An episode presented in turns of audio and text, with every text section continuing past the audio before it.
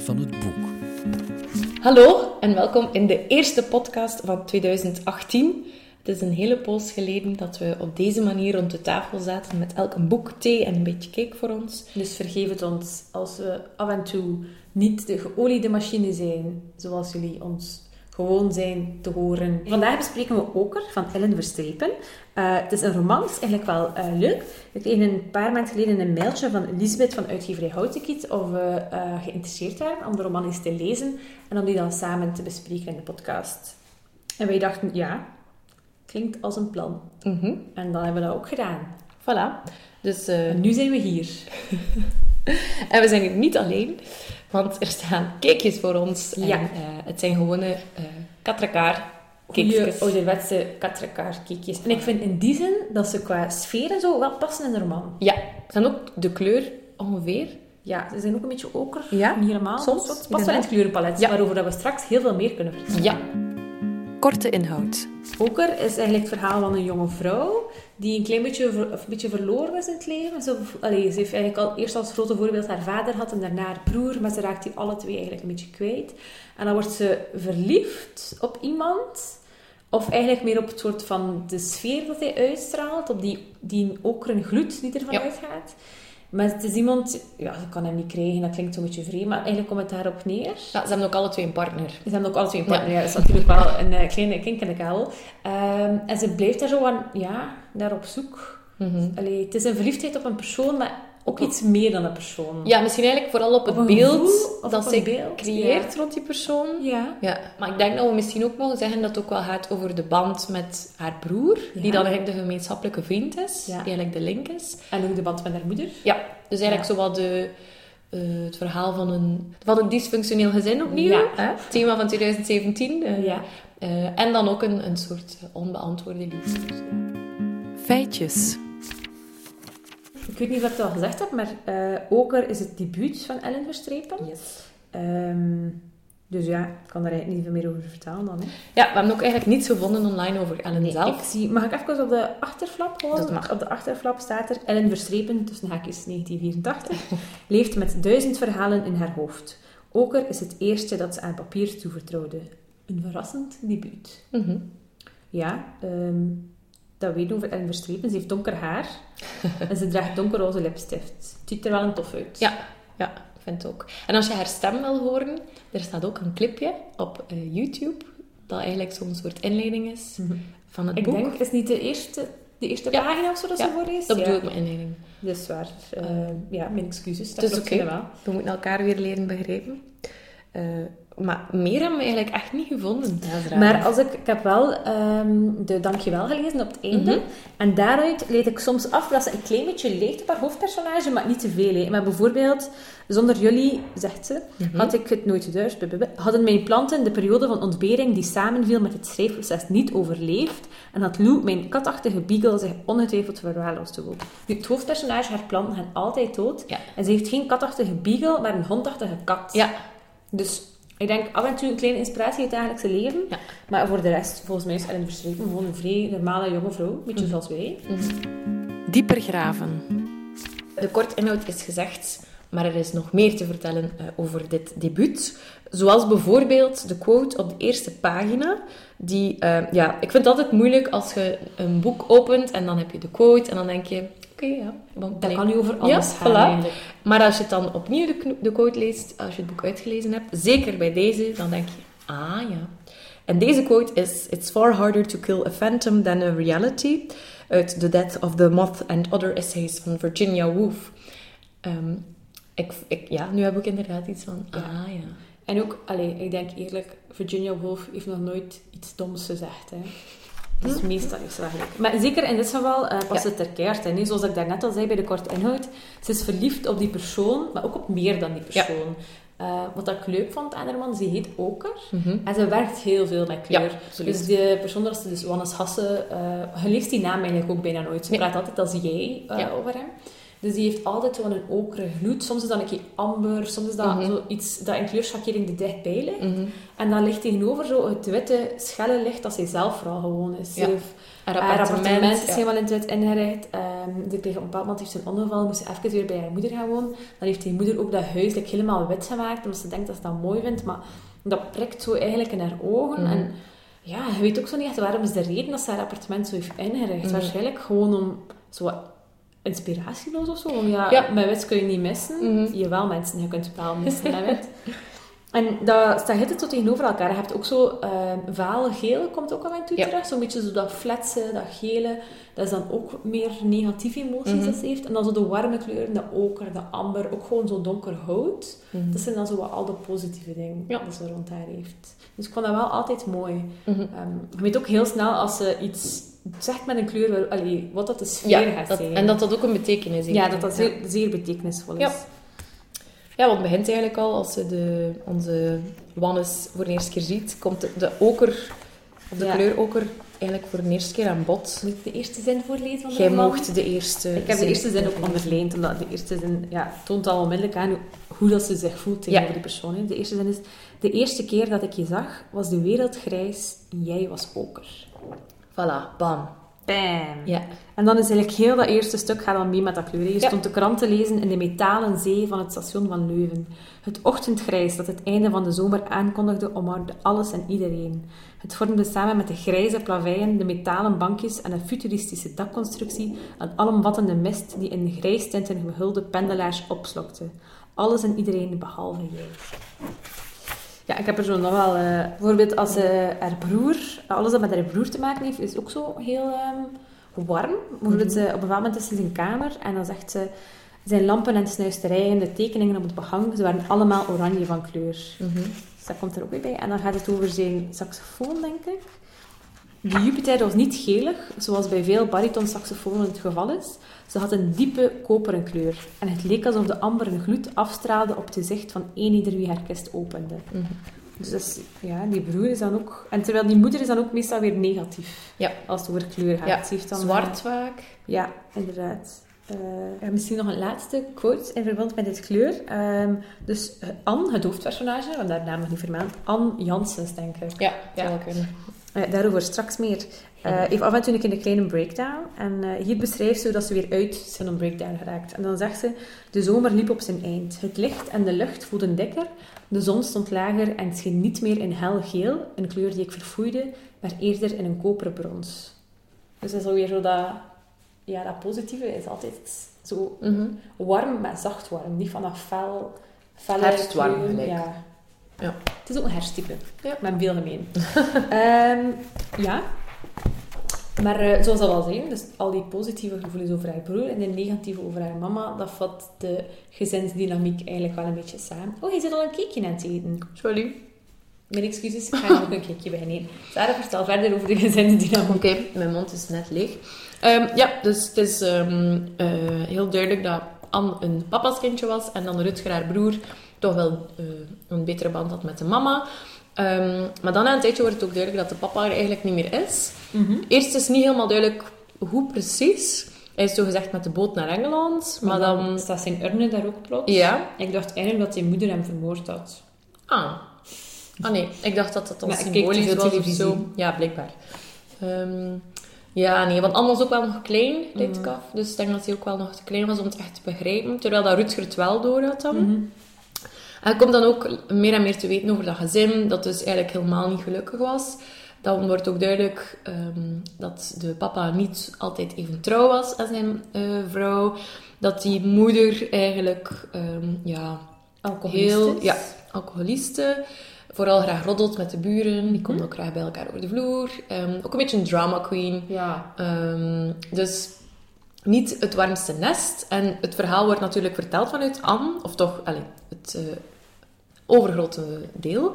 Ehm, dus je krijgt enkel haar visie. Waardoor je toch wel het gevoel hebt dat zij zo wel een beetje de... Voor het minst liefde lid van het gezin. Allee, toch door haar Mhm. moeder. Ze heeft een heel sterke band met haar broer. Ja. En het lijkt alsof dat ze ook wel een, sterke, allee, een goede band heeft met haar vader. Ja. Maar die moeder lijkt zo haar veel minder belangrijk te vinden dan haar Ja. broer. En Anne heeft eigenlijk ook een lief. Jonas. Maar dat is eigenlijk ook niet zo perfect. Is zo wat uitgeblust, hè. Ja, ja, maar ze zijn ook al... Die waren al even samen, had ik het gevoel. Ze woonden ook samen. Mhm. Maar je weet dat ook wel na een tijdje... Ja, voilà. Ehm, want eerst denk je van, oh, een treinromance, leuk, leuk. Um, Plots heeft ze een vriend. Ja. Ze is dan, ze is dan en ze hebben dat niet 16 of zo. vernoemd. Mhm. Ehm, dus het is al duidelijk dat die relatie inderdaad niet zo bruisend meer Nee. is. Maar in het algemeen krijg je ook gewoon het gevoel... Dat lijkt een beetje alsof zij zo'n soort van lange, sluimerende ja, ontevredenheid, of misschien zelfs zo ergens depressieve gevoelens heeft of Ja. zo. Ja. Als je zo wat tussen de regels doorleest, alleen ze is niet gelukkig. Nee, maar ze, ze heeft niet echt de, de ambitie om er iets aan te doen. Nee. Het is zo wel wat... Haar wereld is grijs. haar wereld is grijs. En door dat oker die dan uitstraalt van ehm Wannes, is, is het zo gelijk wel oké. En ze, ze... Ik weet niet, ik had het gevoel van... Ze leeft dan nog liever in dat grijze wereldje met dan dat idee van die okeren Wannes en erover te, te dromen of te fantaseren dan er effectief iets aan te doen. Ehm. En dat is eigenlijk gewoon een beetje het verhaal. Dat, je, dat sommige mensen, en misschien wel meer dan dat we denken, dat gewoon doen. Zonder er echt voor te gaan.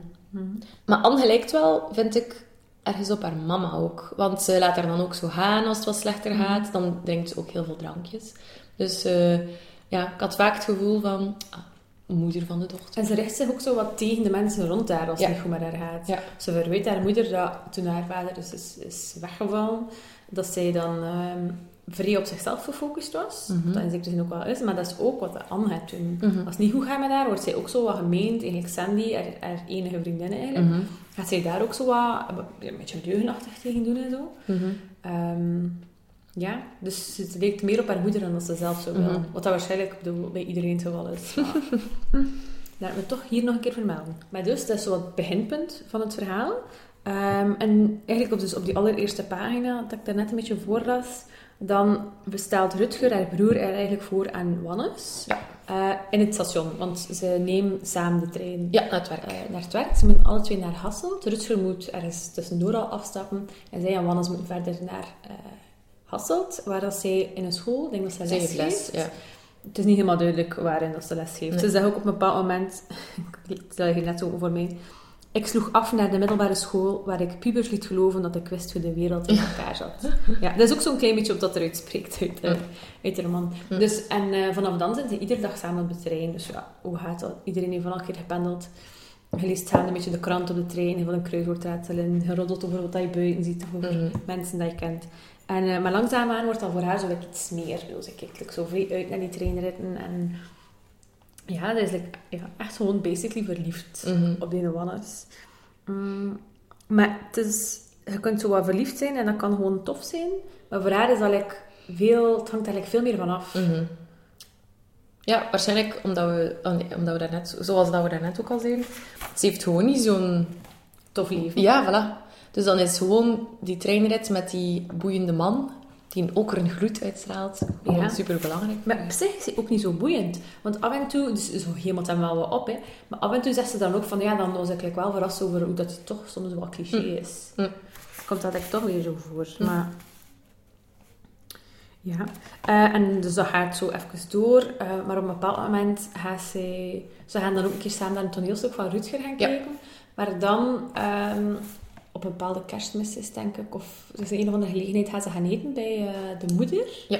Dus zij en Rutger gaan eten bij mama. Het is niet zo aangenaam, ze maken elkaar verweten. En dan voert Rutger Anne naar huis. Maar ze hebben een ongeluk, Mhm.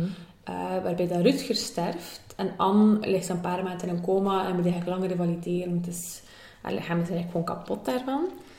En dan, dan woont ze dus even in bij haar moeder, omdat ze niet alleen kan zijn. En Jonas is intussen op buitenlandse stage vertrokken. En dan weet je ook wel dat het niet goed zit. Eh, als je je lief achterlaat terwijl ze eh, helemaal aan het revalideren is. En dan ontdekt zij op de kamer van eh Rutger dat hij eigenlijk gewoon een drugsdealer was. Mhm. Dus zij heeft heel haar leven opgekeken naar die jongen, die was haar grote voorbeeld. En alles wat hij deed bewonderde ze like wel. Dus Mhm. bijvoorbeeld like dat toneelstuk dat ze daar ging kijken, dat was eigenlijk, allee, pff, dat trok op niet zoveel, maar zij bedekt dat een beetje met een mantel der liefde. En dan plotseling ontdekt ze dat haar broer eigenlijk helemaal niet zo geniaal is, like dat ze dacht. Bedoel, die, had, die ging niet meer gaan werken, die deelde gewoon wat, Mhm. van bij zijn moeder thuis. Allee, het is niet echt toonbeeld van succes.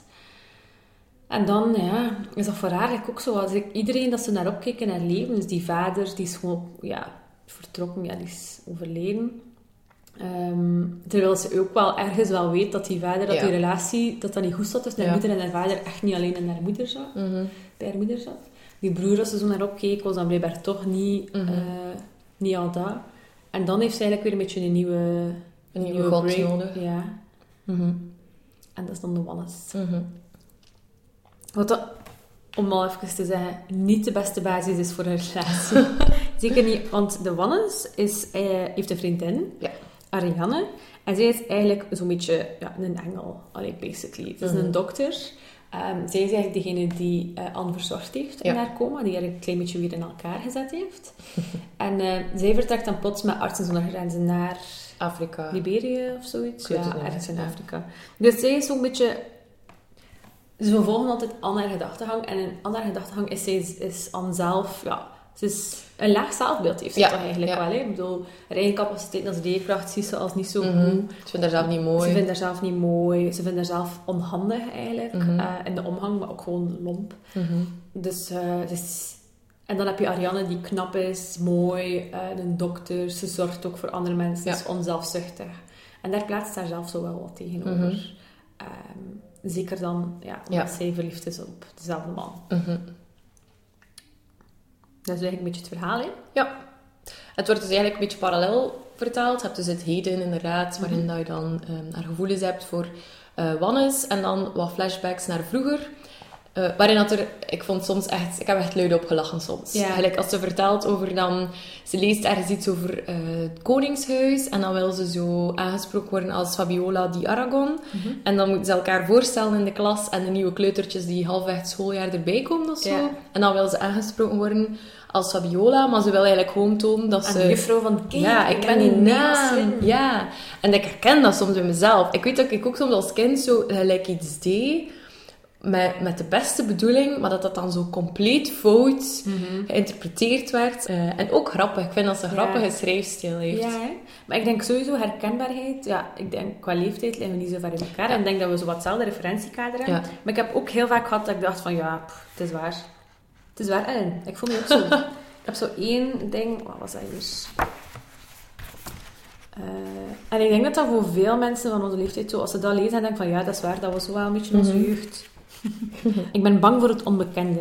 Wanneer ik ergens voor de eerste keer moet zijn, huur ik via Street View, anders word ik Ja. zenuwachtig. Ja, is, ik doe Dus dat ik- ook echt. En dat is typisch voor onze generatie, want ja, twintig jaar geleden moest je het ook niet proberen. En ik kijk via Street View, maar ik doe dat echt. Soms, hè, als ik ergens nieuw naartoe moet, kijk ik met mijn lief en dan neemt hij mij mee via Street View. Zegt kijk, Mhm. Daar ga je dan naar rechts moeten gaan. Ja, sowieso. Als zo ergens voor de eerste keer komt. Ja, ik ben er dan net. Ja, ze praat dus vooral tegen Wannes eigenlijk in haar, in haar verhaal. En ze, veronder, ze verontschuldigt zich zo soms tegenover hem. Zo van, oh nee, ik hoop dat je niet dat of dat dacht. En dat is Ja. zo, ja, inderdaad, laag zelfbeeld. Of, of ja, zo jammer.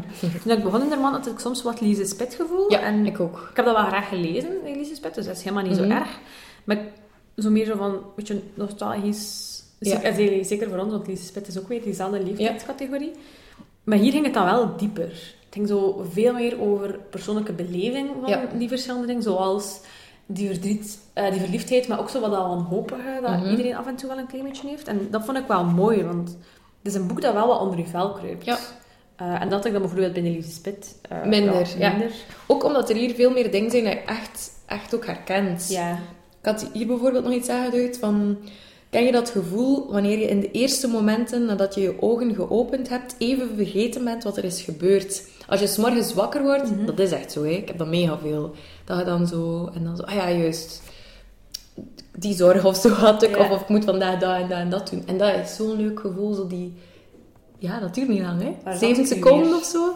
En dan... eh, ja, het zijn zoveel kleine details dat je denkt, allee, dat je dat like, op, allee, eraan denkt om dat neer te schrijven. Ik vond het ook heel grappig. Op een bepaald moment komt ze zo super zat thuis en kijkt ze nog met haar kat naar een documentaire over buffels. En hoe dat ze dat beschreef, vond ik ook gewoon geniaal. Ja, iedereen heeft dat denk ik wel al een keer te zat naar een documentaire Mhm. gekeken. Al of niet met een kat. Al of niet met een kat. Dus er zijn de hoofdpersonages van de roman, maar er zijn ook een aantal eh, herkenbare nevenpersonages. Ik denk iedereen die in een dorp woont, kent de nevenpersonages. En de grappigste is uh, Dieter. En Dieter is zo wat de stoere jeugdvriend die het helemaal gemaakt heeft. Ik doe even aanhalingstekens met mijn vingers. um, want ja, hij heeft zo, weet wel, je altijd belangrijke telefoontjes aan doen en foto van die vrouw met de kids Altijd en, een dikke eh, auto ja. en kostuum. En hij komt altijd op de meest ongelegen momenten in de roman eigenlijk. Het is alsof Ja. dat er, je voelt wel echt van, oh, er gaat iets gebeuren. Ik ga even daar een stomme opmerking gaan maken en tonen hoe succesvol dat ik ben met Mhm. mijn leven. Ehm, dus ja, Dieter. En daarnaast heb je er ook nog Rita of zo, de buurvrouw. Rita de buurvrouw. Rita, de buurvrouw. De mama van Sandy. ja, en die eh, eigenlijk ook een soort van afkooksel is van, van Suzanne, grappig. de moeder. Die Ja. wil die moeder zo'n beetje nadoen en alles, Ja. maar ja, ze kan het eigenlijk niet zo goed. En daardoor wordt ze eigenlijk wel echt wel marginaal. Ja. Ja, Rita is de marginale buurvrouw. Ja. Ook, eh, ja, bekend in ieder dorp, denk ik.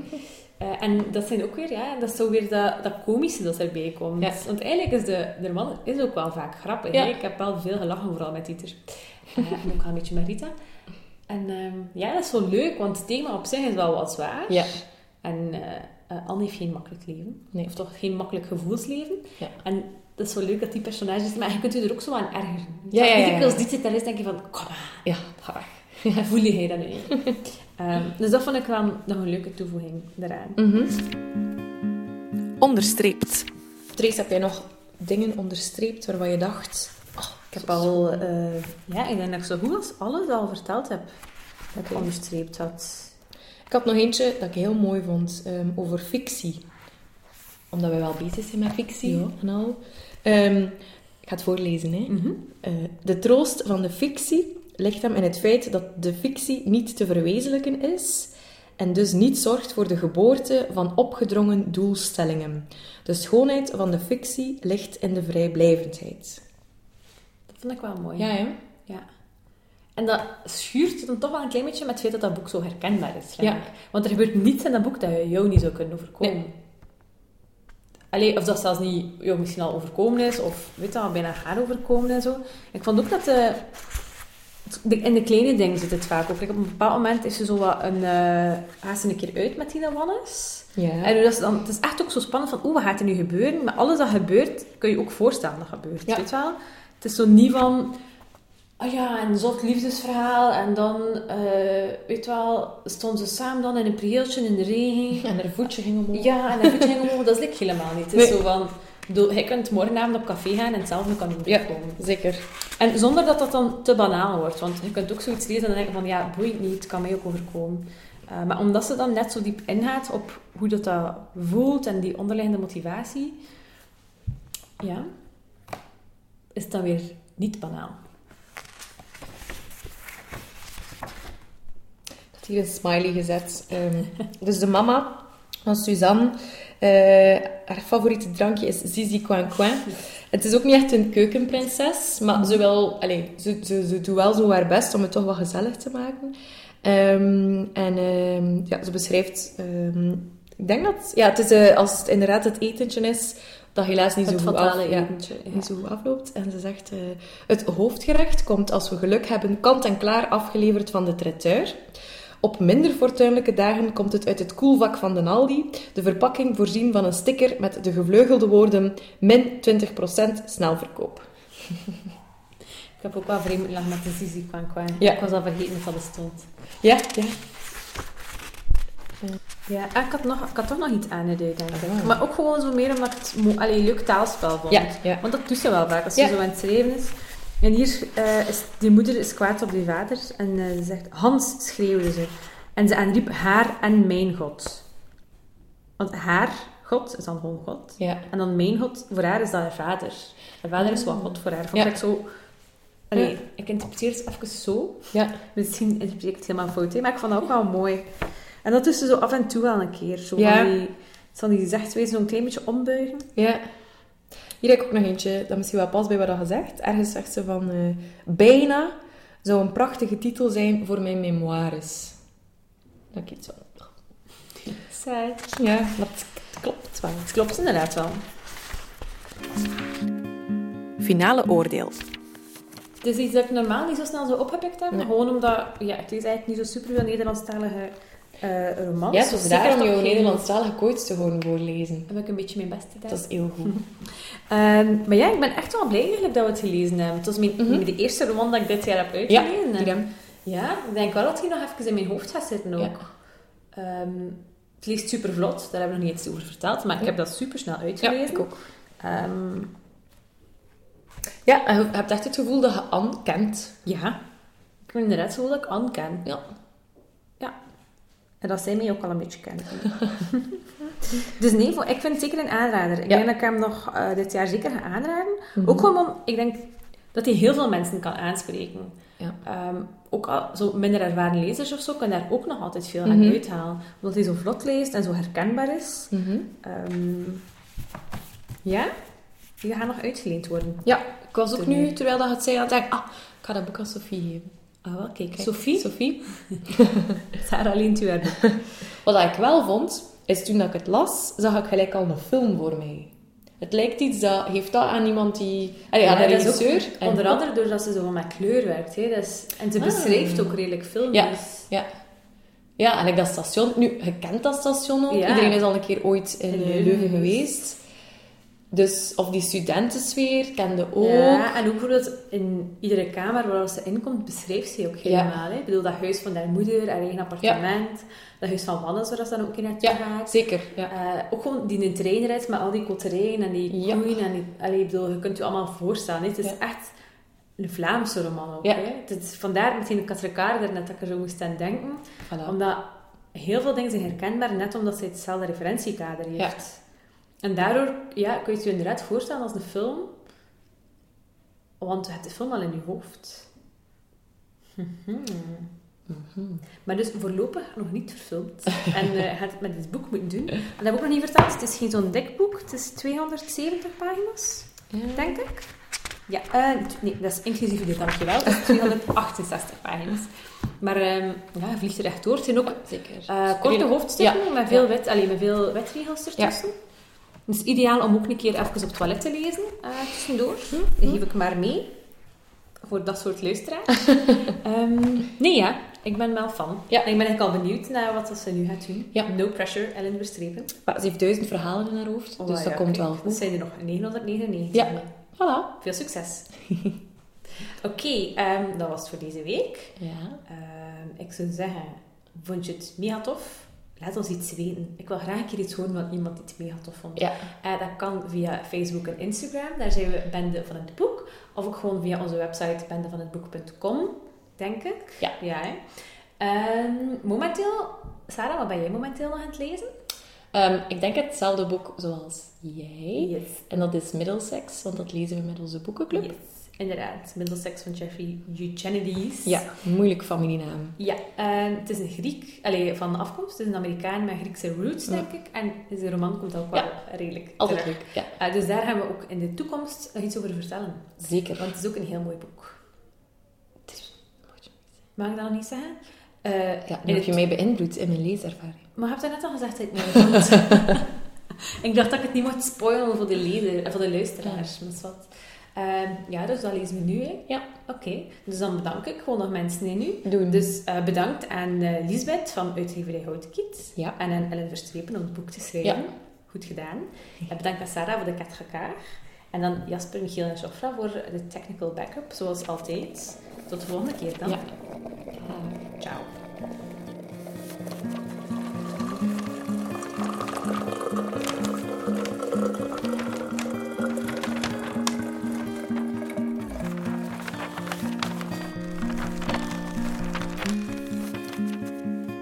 Van het boek.